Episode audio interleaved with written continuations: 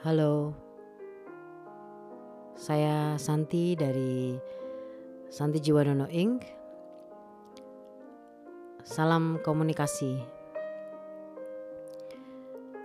Tahun ini adalah tahun pilkada, dan itu artinya bagi kita eh, rakyat adalah saatnya memilih.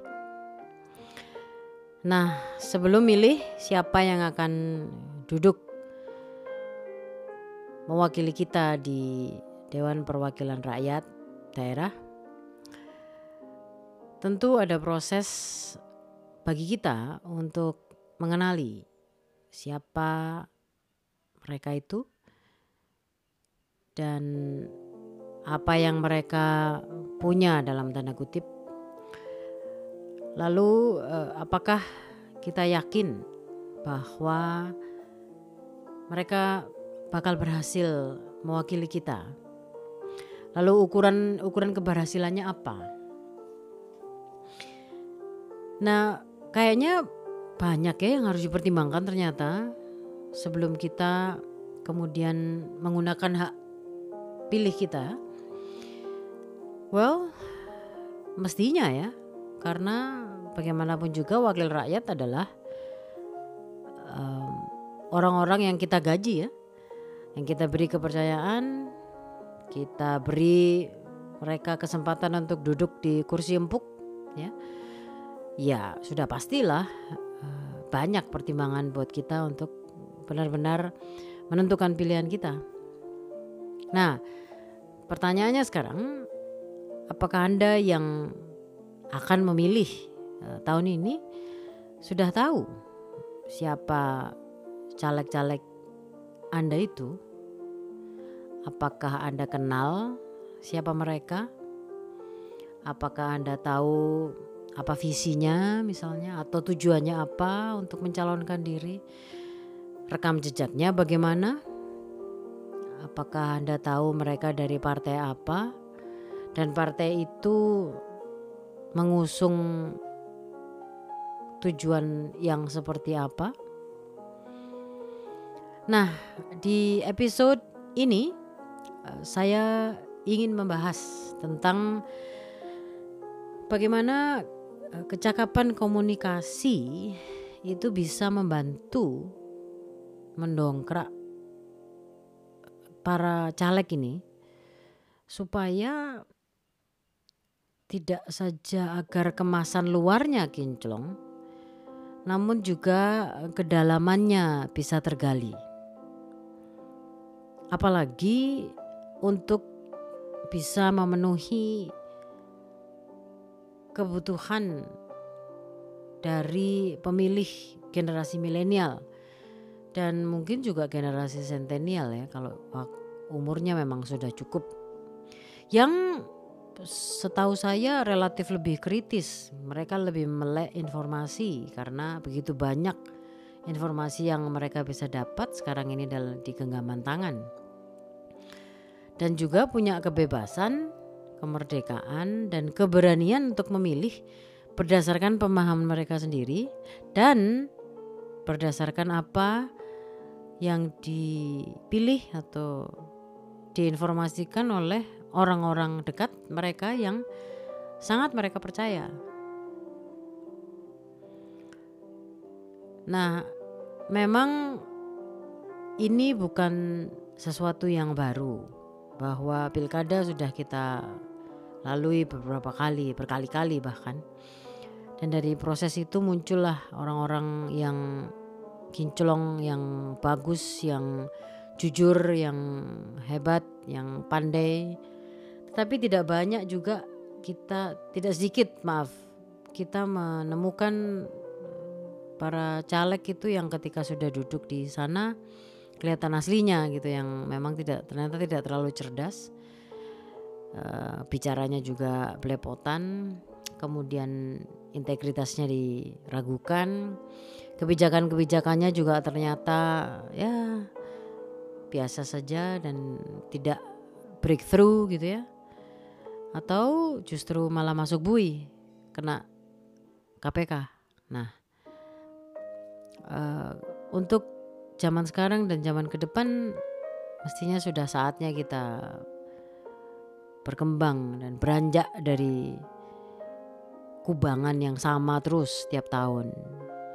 Jadi eh, para caleg belajarlah komunikasi. Ya, bisa dengerin podcast saya. Mengapa kecakapan berbicara itu penting? Mengapa intonasi penting? Bagaimana menyelaraskan, bahasa tubuh dan bahasa kata-kata? Dan secara pribadi sebenarnya saya ingin di masa depan kita bisa lebih banyak mendengarkan statement-statement publik dari orang-orang yang ada di pemerintahan maupun yang duduk di wakil dewan uh, wakil rakyat untuk berbicara lebih cerdas, tidak asal bunyi tapi punya makna gitu dan inspiratif.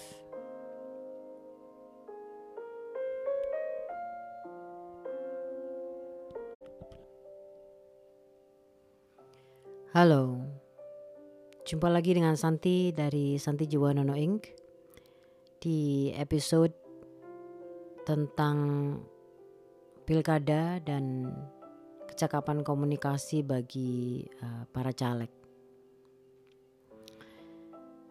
Selama ini saya mengamati bahwa politikus kita ini uh, masih didominasi oleh orang-orang yang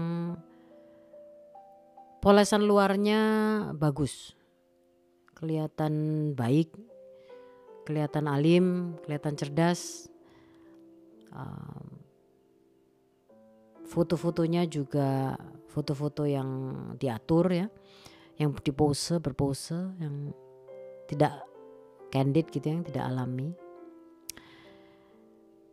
namun saya tidak atau belum terlalu banyak melihat ada ada kedalaman atau kecakapan konkret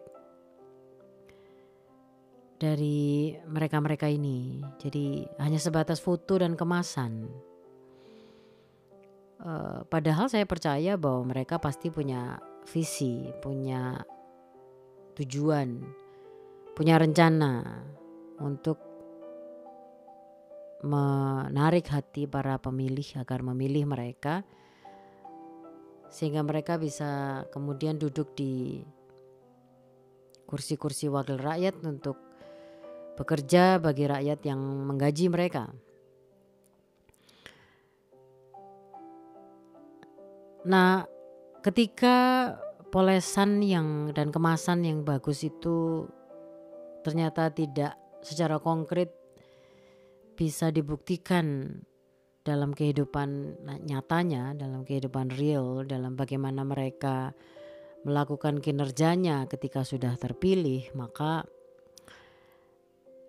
saya khawatir bahwa uh, pemilih generasi muda ini makin lama akan makin tidak terkesan dan uh, ujungnya apatis dan kemudian memilih untuk tidak memilih. Nah, politikus yang baik yang saya percaya masih banyak sekali di negara kita ini pasti sadar bahwa persepsi itu harus dirubah. Rakyat yang sudah mulai apatis harus disadarkan kembali bahwa suara mereka, partisipasi mereka dalam pemilihan umum itu sangat-sangat penting. Bagaimanapun juga kebijakan-kebijakan negara yang akan diputuskan oleh para wakil rakyat dan pemerintah pasti bakal mempengaruhi hidup mereka sehari-hari nantinya. Jadi ketika mereka menghilangkan hak pilih itu mereka menyerahkan nasib mereka kepada entah kepada siapa ya. Nah, lalu berangkat dari situ, apa yang harus dilakukan oleh para politikus ini? Dari sisi komunikasi, yang jelas mereka harus mulai mikir apakah mereka sudah punya kecakapan komunikasi. Dan kalau saya bilang komunikasi itu bukan hanya orasi atau hanya berbicara atau hanya berteriak-teriak di mimbar, mengumpulkan massa dan buat mereka bergoyang atau berteriak-teriak itu sudah sepase, sudah zaman lampau. Seharusnya sudah mulai berubah. Oleh karena itu, cakapan komunikasi yang lebih dalam, yang lebih otentik, lebih strong, lebih kuat harus mulai dibangun. Yang pertama memang personal branding adalah hal yang perlu dipikirin.